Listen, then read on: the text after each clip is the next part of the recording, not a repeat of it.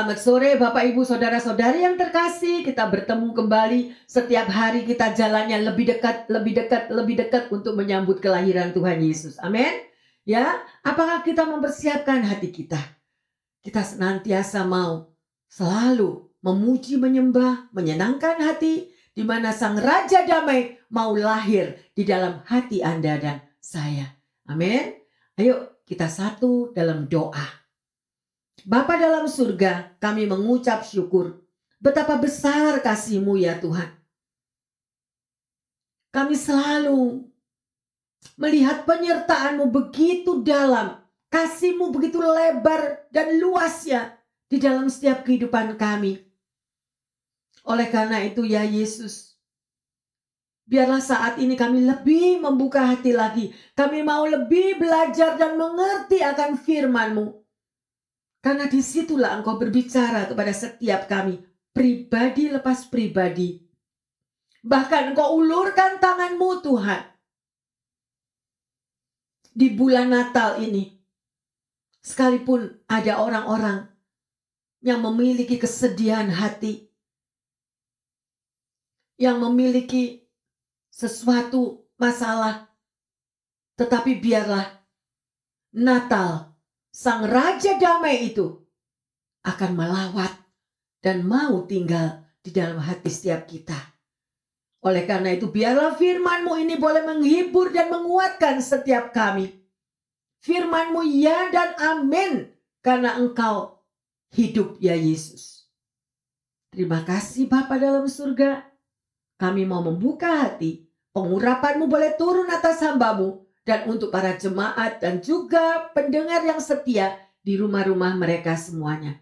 Biarlah merasakan lawatan kasih Kristus. Terima kasih di dalam nama Tuhan Yesus. Hamba berdoa. Haleluya. Amin. Ada amin yang terkasih? Haleluya. Ya. Uh, tema pada sore hari ini adalah damai bagi dunia. Pertanyaannya, saudara merasakan damai enggak sekarang?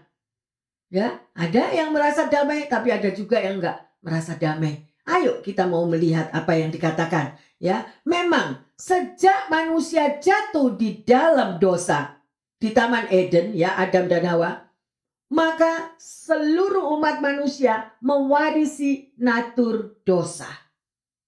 Jadi kita ini semua adalah orang yang berdosa, ya. Dunia dan isinya terkontaminasi dengan dosa. Jadi banyak gejolak-gejolak terjadi, banyak peperangan kiri kanan di seluruh dunia apa yang mereka alami. Ya. Permasalahan, penderitaan silih berganti di dalam setiap negara.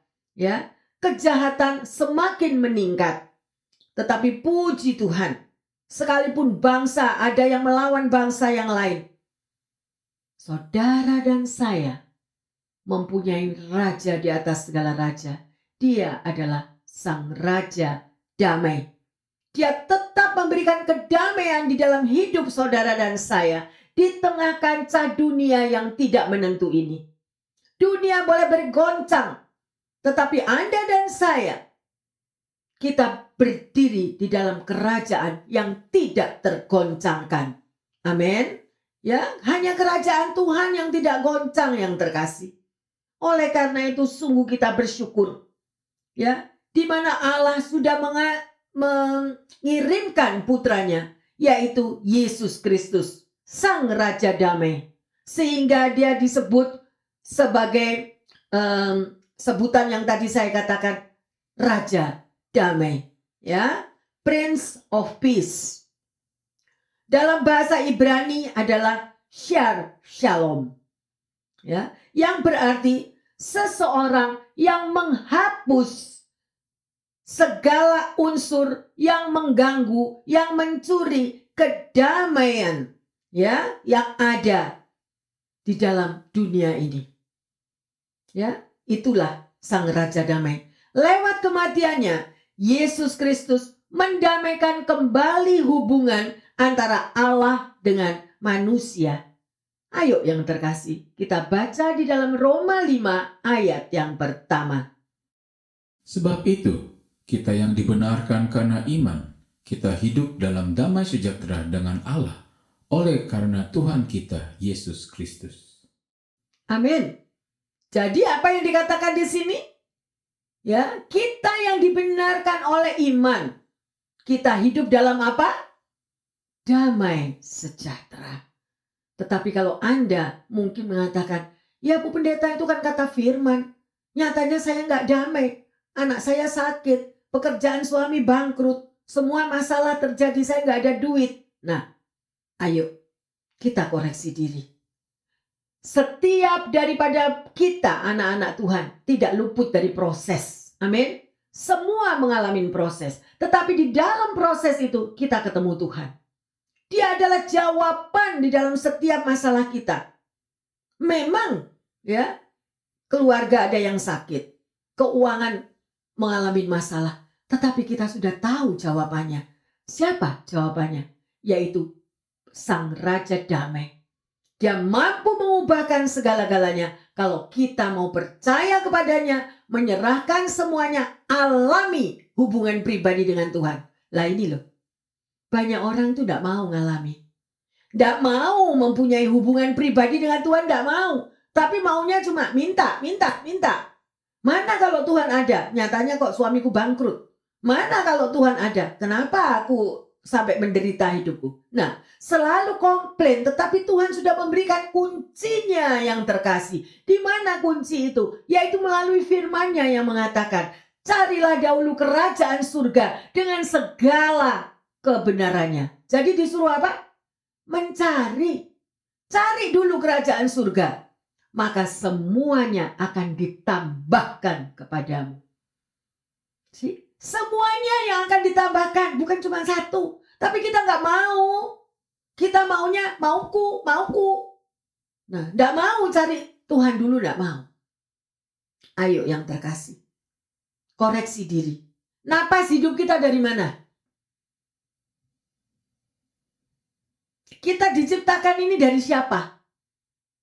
Kita bukan dari batu kan?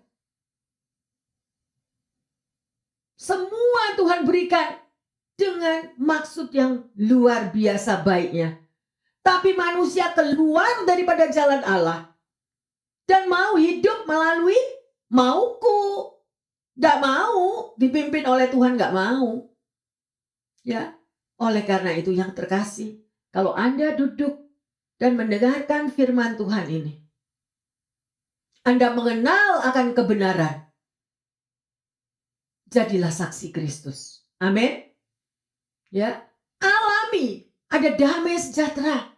Kalau kita punya keluarga yang belum, mereka tidak tahu.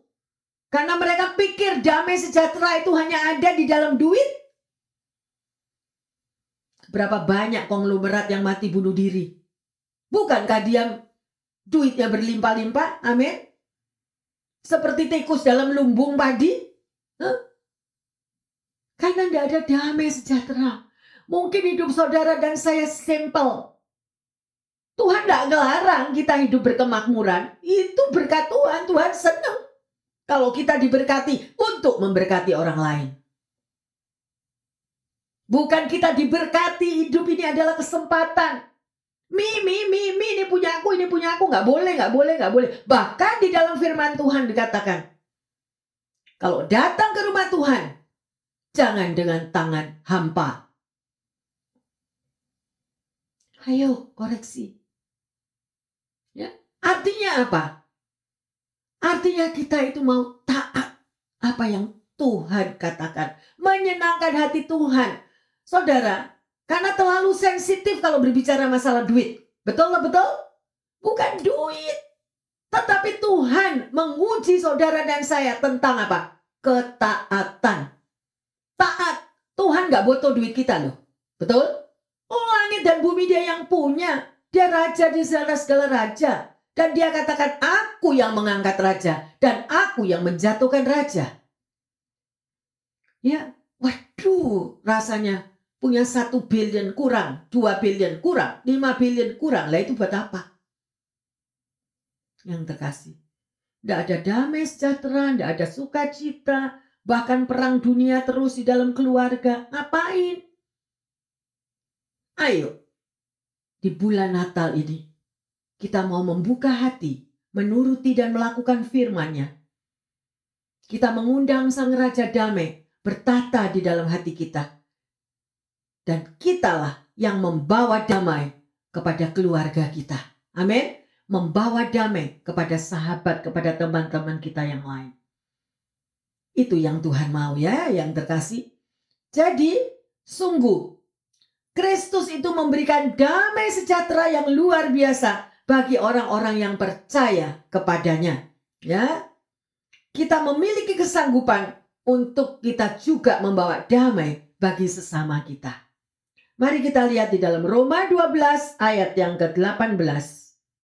Sedapat-dapatnya, kalau hal itu bergantung padamu, hiduplah dalam perdamaian dengan semua orang. Nah, tuh Ya, firman yang ngomong. Ya, mungkin ada orang yang komplain, Bu Pendeta kan tidak tahu saya punya tetangga begini, jahatnya begini, begini, begini. Gak peduli. Firman Tuhan dibilang apa? Sedapat-dapatnya. Kalau hal itu kita sudah tahu akan firman Tuhan. Hiduplah apa? Dalam perdamaian dengan apa? Dengan satu orang? Enggak loh. Dengan semua orang.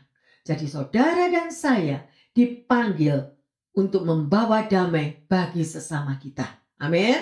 Karena Bapa kita adalah Sang Raja Damai. Haleluya. Amin. Ayo kita lanjut di dalam Yesaya 26 ayat yang ketiga. Yang hatinya teguh kau jagai dengan damai sejahtera, sebab kepadamulah ia percaya.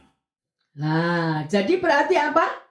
Saudara dan saya yang sudah menjadi anak Tuhan harus mempunyai hati yang teguh, hati yang kuat. Jangan kalau dari hari Minggu kita ke gereja, oh ya semangat. Besok pulang hari Senin, Selasa, weekday udah down lagi. No, kita harus tetap teguh. Bagaimana saudara dan saya bisa teguh? Yang terkasih, bagaimana kita bisa kuat? milikilah hubungan pribadi dengan Tuhan. Oke? Isi terus dengan firman Tuhan. Baca firman Tuhan. Dengarkan firman Tuhan. Nyanyilah, pujilah, berdoalah. Ini loh.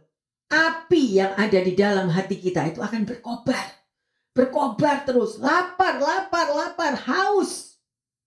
Haus akan firman Tuhan. Ya, haus untuk memberikan kesaksian kepada orang lain. Dan saudara pada waktu bersaksi, damai itu semakin balik lagi ke kita. Berkatnya semakin balik lagi ke kita. Sungguh luar biasa Tuhan kita itu. Ya, sedemikian rupa. Ada seseorang yang bernama Richard Fuller.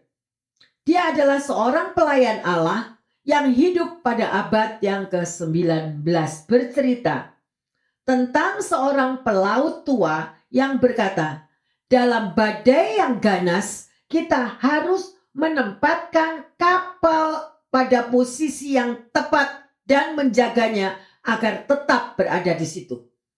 Jadi kapalnya nggak goyang-goyang, nggak ke mana-mana, ya. Jadi tetap dalam posisi yang benar, ya. Fuller berkata, orang-orang Kristiani, anak-anak Tuhan, seperti itulah harusnya kalian lakukan. Amin. Berdiri teguh, berdiri kokoh di atas firman Tuhan. Kalian harus menempatkan jiwa kalian pada satu posisi di dalam Tuhan dan menjaganya. Jangan terombang-ambing. Amin. Ya, haleluya. Kita harus tetap bergantung kepada Tuhan. Ya, jangan bergantung kepada yang lain-lain. Ya, sedemikian rupa.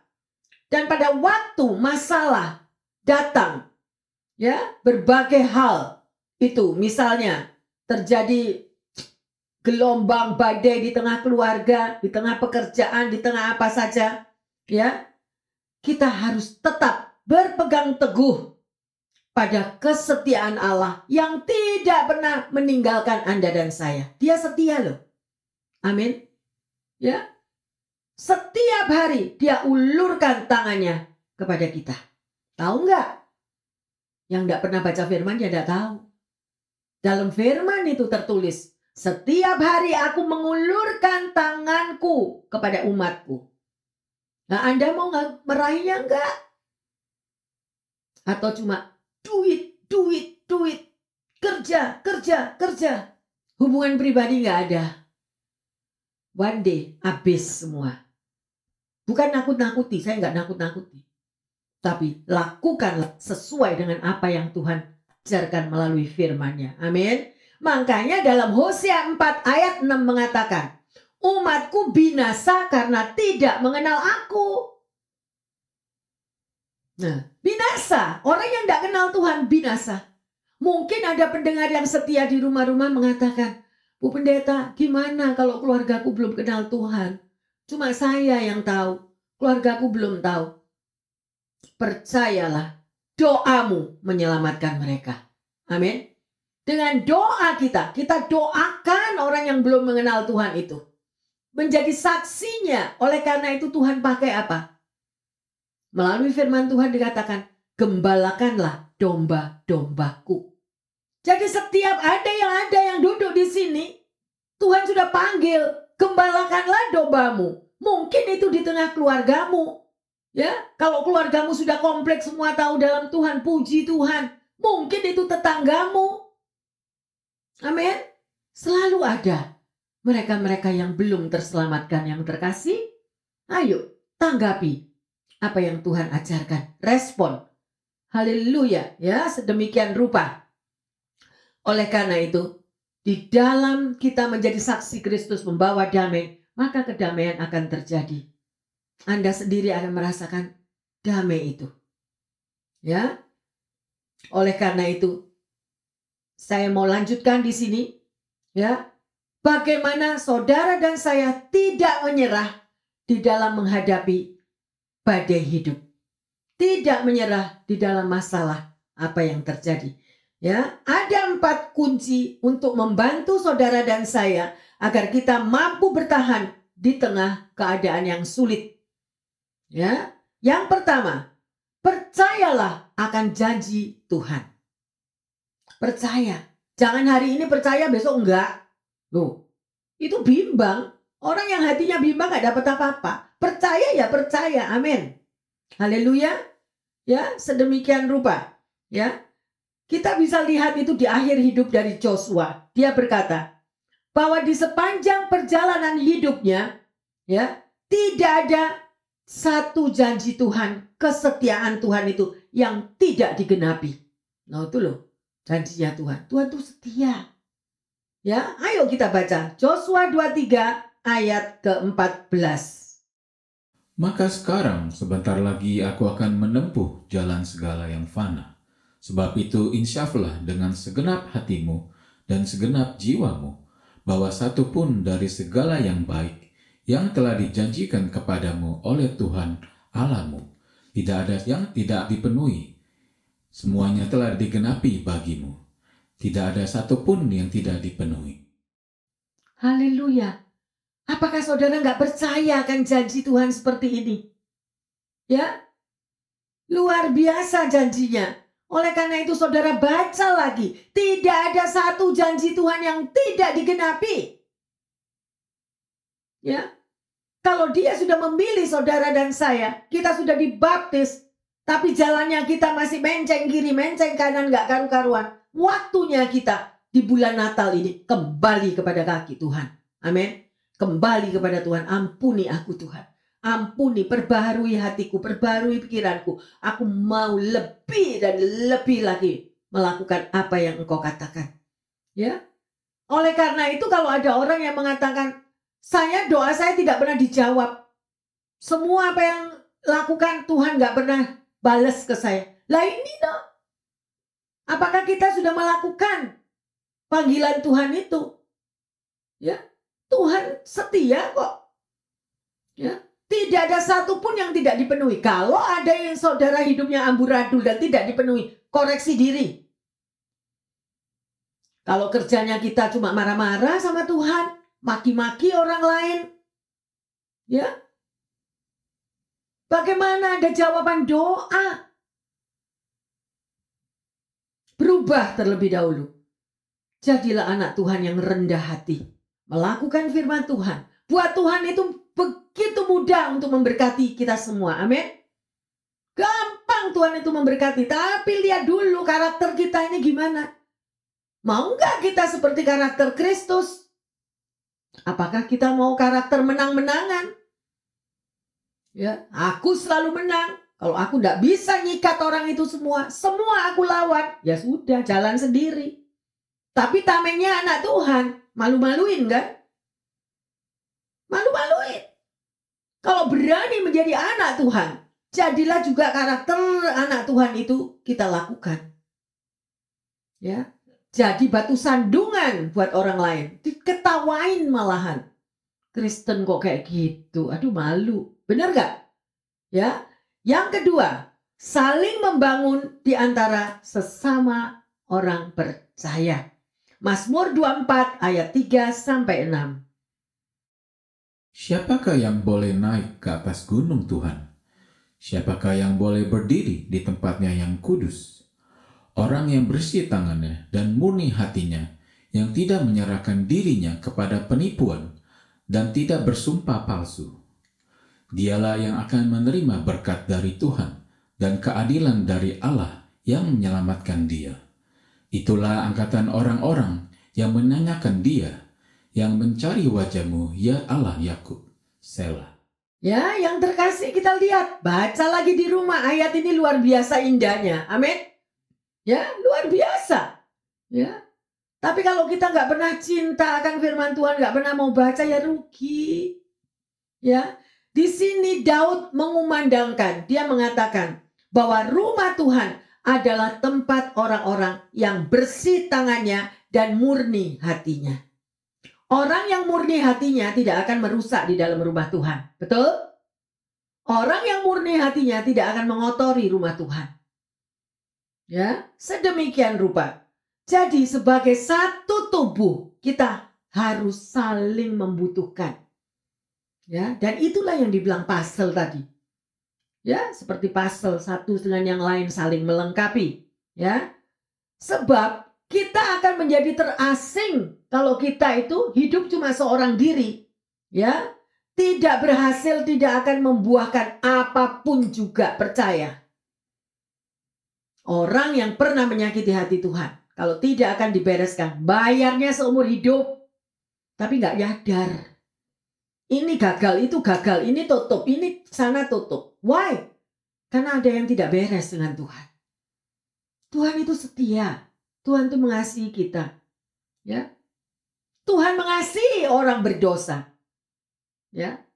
Tapi Tuhan benci akan dosa. Satu-satunya jalan. Pulang kembali. Contoh seperti apa? Anak yang hilang. Anak yang hilang itu bapaknya panggil-panggil, atau bapaknya cari dia? Enggak. Dia sudah minta warisannya. Papa kasih aku warisanku. Aku mau pergi. Katanya. Dikasih sama papanya. Akhirnya anak ini pergi. Semua apa yang dia miliki berkelimpahan habis. Sampai tidak bisa makan. Makan makanannya babi. Nah pada waktu dia sudah terkapar sedemikian. Dia ingat kasih sayang bapaknya.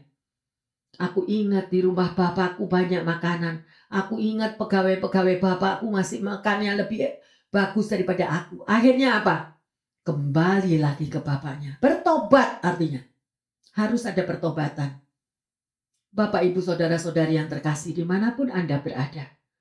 Setiap daripada kita adalah manusia yang berdosa. Setiap daripada kita, ya kalau kita tidak menyadari keberadaan kita yang tidak mampu merendahkan diri di hadapan Tuhan, ya Ayo waktunya di bulan Natal ini. Kita mau merendahkan diri, bertobat, mohon ampun kepada Tuhan agar berkat-berkat itu boleh kembali diterima di dalam kehidupan kita. Haleluya. Amin. Yang ketiga, sabar dan tekun. Kalau kita ingin sukses dan berhasil, hiduplah dengan kesabaran dan ketekunan. Lakukan yang terbaik dengan tekun, ya sabarlah menjalani proses hidup, proses demi proses, ya. Tuhan izinkan semua proses yang terjadi. Karena apa? Supaya kita datang kepadanya. Dan Tuhan mendemonstrasikan kuasanya untuk menjawab doa setiap anaknya. Ibrani 10 ayat 35 dan 36. Sebab itu janganlah kamu melepaskan kepercayaanmu, karena besar upah yang menantinya. Sebab kamu memerlukan ketekunan, supaya sesudah kamu melakukan kehendak Allah, kamu memperoleh apa yang dijanjikannya itu.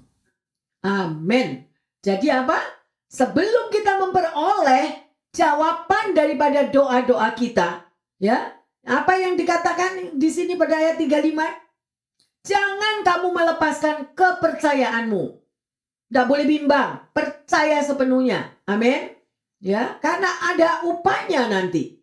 Dan yang kedua, apa? kita harus tekun. Ya. Dan pada waktu kita melakukan, kita sudah melakukan kehendak Allah. Lah, kita akan memperoleh apa yang Tuhan janjikan. Luar biasa ya? Luar biasa sekali. Yang keempat, hidup dalam Yesus. Joshua 22 ayat yang kelima. Hanya lakukanlah dengan sangat setia perintah dan hukum yang diperintahkan kepadamu oleh Musa hamba Tuhan itu, yaitu mengasihi Tuhan Alamu, hidup menurut segala jalan yang ditunjukkannya, tetap mengikuti perintahnya, berpaut padanya, dan berbakti kepadanya dengan segenap hatimu dan dengan segenap jiwamu. Haleluya.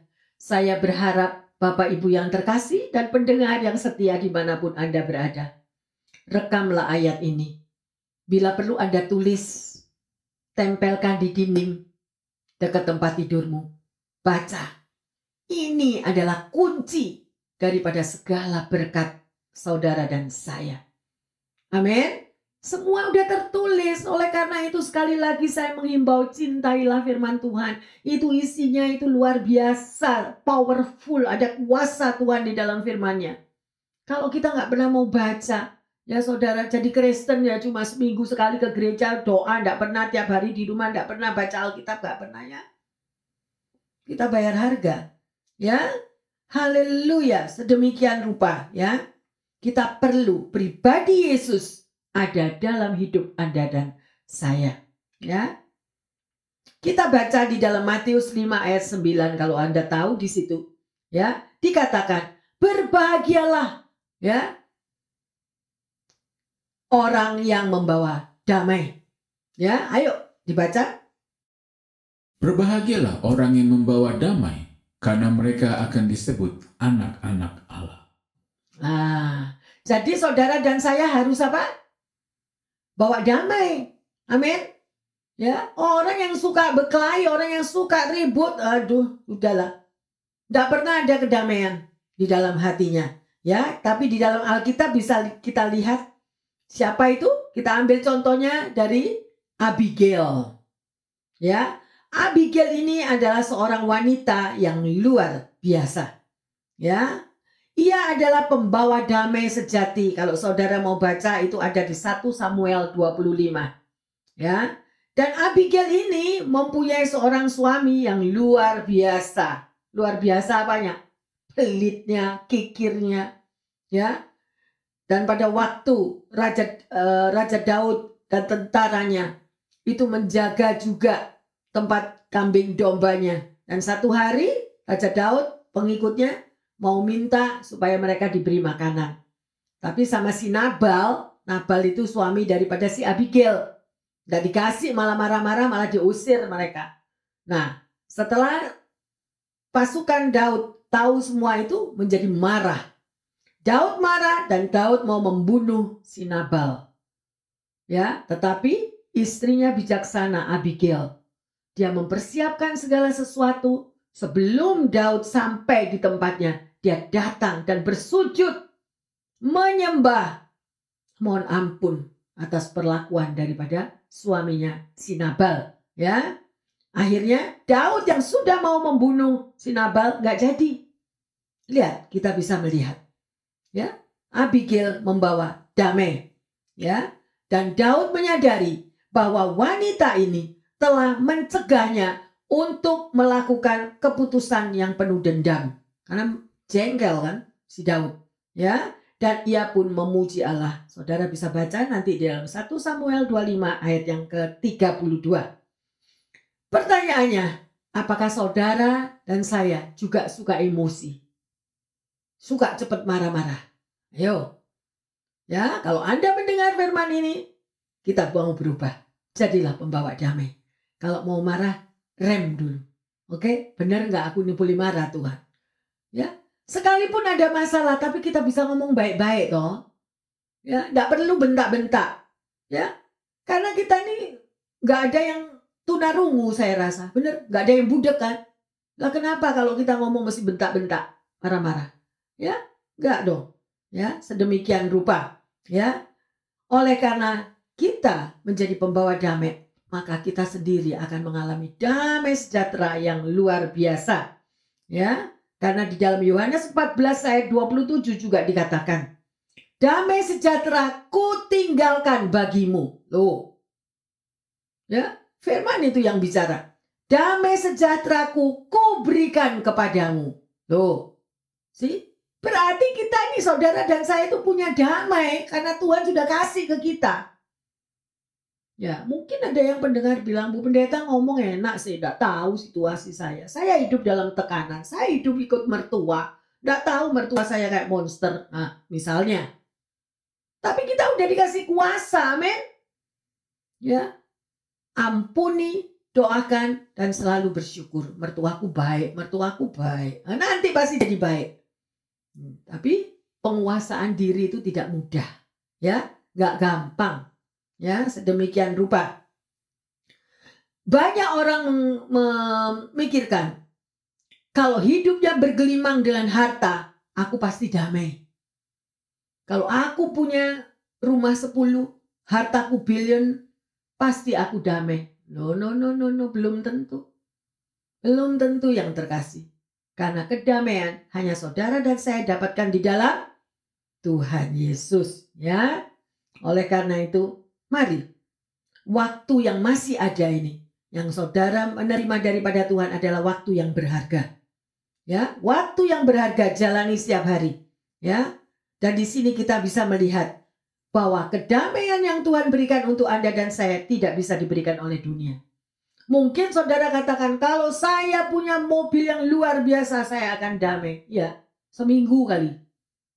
Nanti setelah seminggu mobilnya beset, atau mobilnya ada masalah, udah lost lagi damainya. Ya, sedemikian rupa, ya. Oleh karena itu Bapak Ibu pendengar yang terkasih, maukah kita mengalami damai sejahtera yang daripada Tuhan itu terjadi dalam hidup saudara dan saya? Kita belajar lagi. Ada tiga hal hukum rohani. Yang pertama, pahami bahwa tanpa kekudusan tanpa hidup kudus, maka tidak akan ada damai sejahtera. Apa artinya hidup kudus? Hidup sesuai dengan apa yang Tuhan mau. Amin. Semuanya tertulis di dalam firman-Nya. Ya, bersihkanlah segala dosa daripada kehidupan kita. Ya, akui, datang kepada Tuhan. Tuhan ampuni aku, aku memang orang berdosa. Mungkin aku mempunyai karakter yang buruk gitu. Bebaskan aku ya Tuhan supaya aku lepas dari ikatan dosa. Ya, ubahlah sikap hatiku Tuhan. Jadi kita harus berubah. Bagian kita adalah mau berubah dan diubahkan. Maka bagian Tuhan akan menjawab doa-doa Anda. Haleluya. Sedemikian rupa. Ya. Yang kedua, pahamilah, sadarilah bahwa damai sejahtera itu hanya ada di dalam Kristus. Cuma ada di dalam Tuhan damai sejahtera itu. Bukan ada di dalam glamurnya dunia. Ya, karena apa saudara yang terkasih? Bulan Natal adalah bulan yang wah, luar biasa. Betul betul? Ya, semua pada mencari itu. Ya, tetapi ayo koreksi diri. Kita boleh memiliki segala-gala istana yang bergemerlapan, tapi kalau hatinya kita kosong, lah, saudara lihat itu. Di dalam setiap pesta-pesta Natal malam tahun baru, Mereka datang sampai mabuk-mabukan sampai segala macam. Why? Kenapa? Karena ini kosong. Tapi kalau hati kita itu diisi, dipenuhi oleh sang Raja Damai, kita nggak perlu pesta glamur. Simple. Seperti Yesus lahir di kandang domba dengan para gembala dan tiga orang majus. Tapi mereka merasakan hangatnya kasih anugerah Tuhan ada di tempat itu. Amin. Ya, bukan dengan materi yang terkasih. Ya. Dan sedemikian rupa itu. Yang ketiga, pahamilah bahwa damai sejahtera datang di dalam dunia itu tergantung dari hatimu dan hatiku. Benar benar? Saudara mau damai, tapi kalau hati kita ini kemerungsung tidak karu-karuan, apa ada damai? Gak ada. Amin. Ya, jadi tergantung hati kita juga. Ya, why? Karena di luar itu penuh temptation. Di luar kita itu banyak jebakan-jebakan. Ya, dengan glamurnya yang sedemikian rupa. Tapi itu tidak ada damai di situ. Damai itu hanya ada di dalam hatimu dan hatiku bersama dengan Kristus Sang Raja Damai. Haleluya. Amin. Ya. Ada satu cerita. Tatkala terjadi badai yang menakutkan di samudera. Ya, sebuah kapal penumpang kecil terombang-ambing di tengah amukan angin ribut. Semua perabotan dan segala sesuatu semuanya bergerak, ya. Dan sekalipun sudah diikat masih ya berantakan. Dan para penumpang tidak boleh meninggalkan setiap kamarnya demi keselamatan mereka. Kebanyakan penumpang berpikir bahwa kapal ini akan hancur. Kemudian seorang penumpang yang ditugasi untuk mencari tahu masihkah ada harapan untuk selamat, ya, mencoba mencari kapten kapal. Sambil berpegangan pada dinding dan tangga, ia berjalan menuju geladak kapal yang terombang-ambing begitu keras oleh ombak. Lalu mendekati ruang kemudi, ia melihat bahwa kapal itu sudah mendekati daratan meski harus melewati batu-batu karang yang curam. Dan sang kapten tetap sedang berusaha keras mengarahkan kapal ke sebuah teluk yang tenang yang tampak di depan mereka. Ya, dan kapten itu merasa tempat itu akan membawa seluruh penumpangnya dalam kapal itu selamat menyadari bahwa suaranya tidak mungkin terdengar oleh deru angin dan ombak yang keras. Ya, sang kapten hanya memandang kepada orang yang datang kepadanya itu hanya dengan senyuman. Ya, hanya dengan senyuman tanpa sepatah kata pun, ya. Maka pria itu dengan lega kembali kepada para penumpang yang lain dan berkata, Jangan khawatir. Ya, semuanya baik-baik saja. Saya sudah melihat wajah si kapten kapal itu. Ia tersenyum dan penuh damai sejahtera. Ada amin yang terkasih?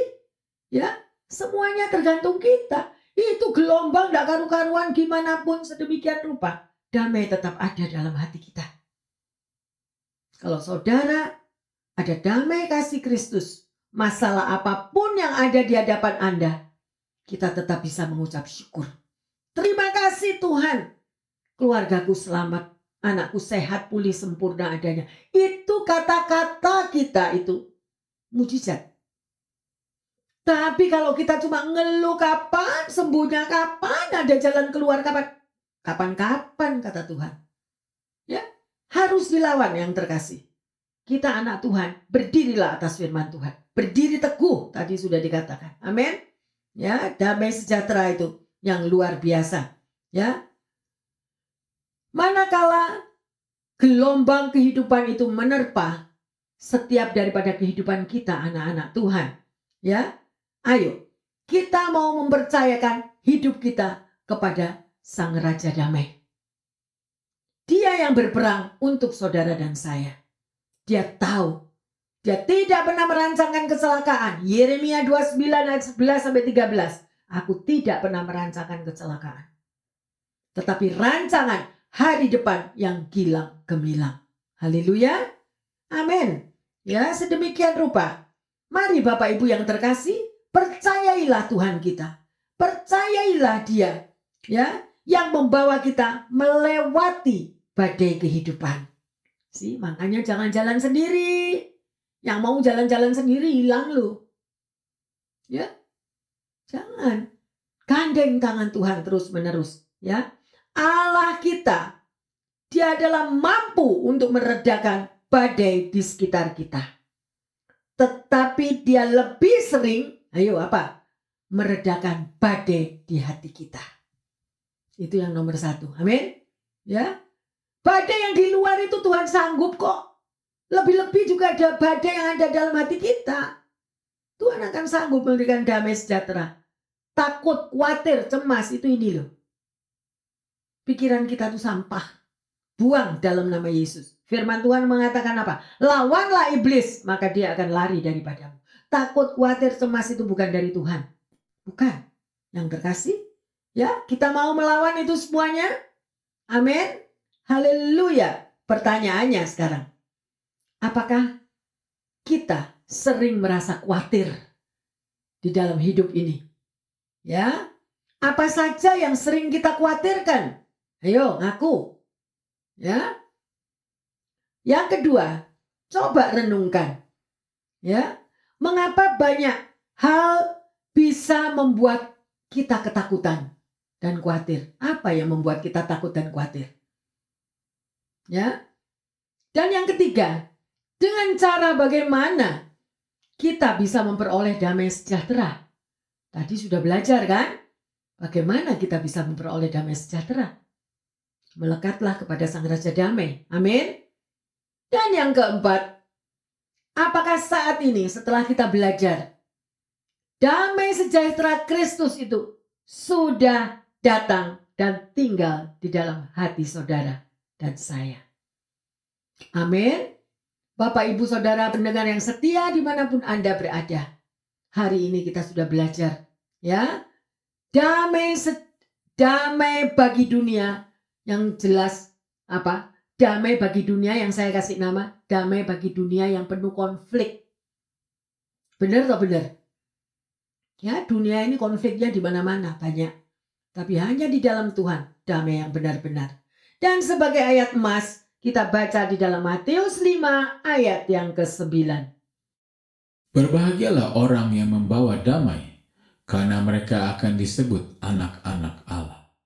Amin. Kalau saudara disebut anak-anak Allah, ya harus apa? Membawa damai. Amin.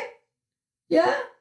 Mari yang terkasih, kita sudah belajar yang luar biasa akan firman Tuhan di bulan Natal ini, yaitu damai bagi dunia. Dan Tuhan menghimbau setiap kita agar kita juga membagikan damai sejahtera Kristus kepada setiap orang. Terima kasih ya Tuhan Engkau selalu ada untuk kami. Hadiratmu nyata ya Bapa. Bersamamu kami tidak akan takut bahaya buat Tuhan.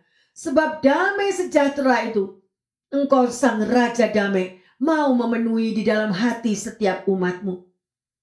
Berkatmu yang sungguh luar biasa di dalam kehidupan kami.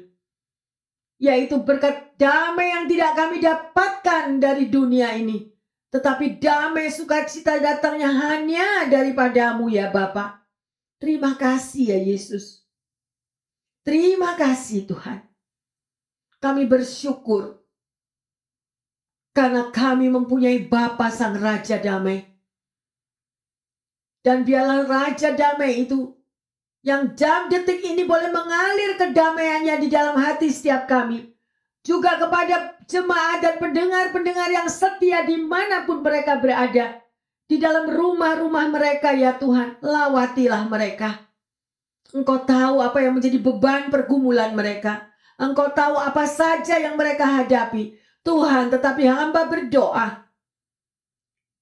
Biarlah pengurapan damai sejahtera boleh turun atas setiap pribadi lepas pribadi Sehingga yang sakit sekalipun boleh mengalami sukacita surgawi, tidak takut lagi. Karena Sang Raja Damai ada di dalam hidup mereka. Juga mereka yang kesulitan di dalam ekonomi, kehancuran di tengah keluarganya. Tuhan terima kasih. Matamu tertuju kepada anak-anakmu ini. Dan tanganmu tidak terlalu pendek untuk menolong mereka Tuhan. Karena engkaulah jawaban dari setiap persoalan kami. Terima kasih Tuhan. Terima kasih. Lawati Tuhan. Biarlah di bulan Natal ini mereka juga merasakan damai sejahteramu. Mereka tidak perlu bergantung kepada material apa pun Tuhan. Kalau Sang Raja Damai itu boleh datang di dalam setiap hati dan setiap rumah-rumah Tuhan. Di mana kami yang berseru untuk menikmati damai-Mu maka kami akan memperolehnya. Terima kasih Tuhan Yesus. Terima kasih untuk firman yang luar biasa. Karena kami butuh damai sejahtera Kristus. Kami rindu damai sejahtera itu mengalir di dalam hati setiap pendengar dan setiap jemaatmu. Haleluya Bapa. Terima kasih untuk jawaban doa. Terima kasih Tuhan, Engkau berikan kekuatan dan ketekunan. Sehingga kami boleh setiap harinya bersyukur menikmati berkat-berkat yang luar biasa daripadamu. Di dalam nama Tuhan Yesus, hamba berdoa dan bersyukur. Haleluya. Amin. Amin. Amin. Bapak, Ibu, Saudara-saudari yang terkasih, datanglah kepada Tuhan dan mintalah untuk kita mampu membuka hati kita dan melihat bahwa Sang Raja Damai itu mau bertata di dalam hidup setiap kita. Haleluya. Amin. Dalam nama Yesus, kita semuanya menerima damai sukacita surgawi terjadi di dalam hidup setiap kita. Tuhan Yesus memberkati semuanya. Amin. Amin, amin.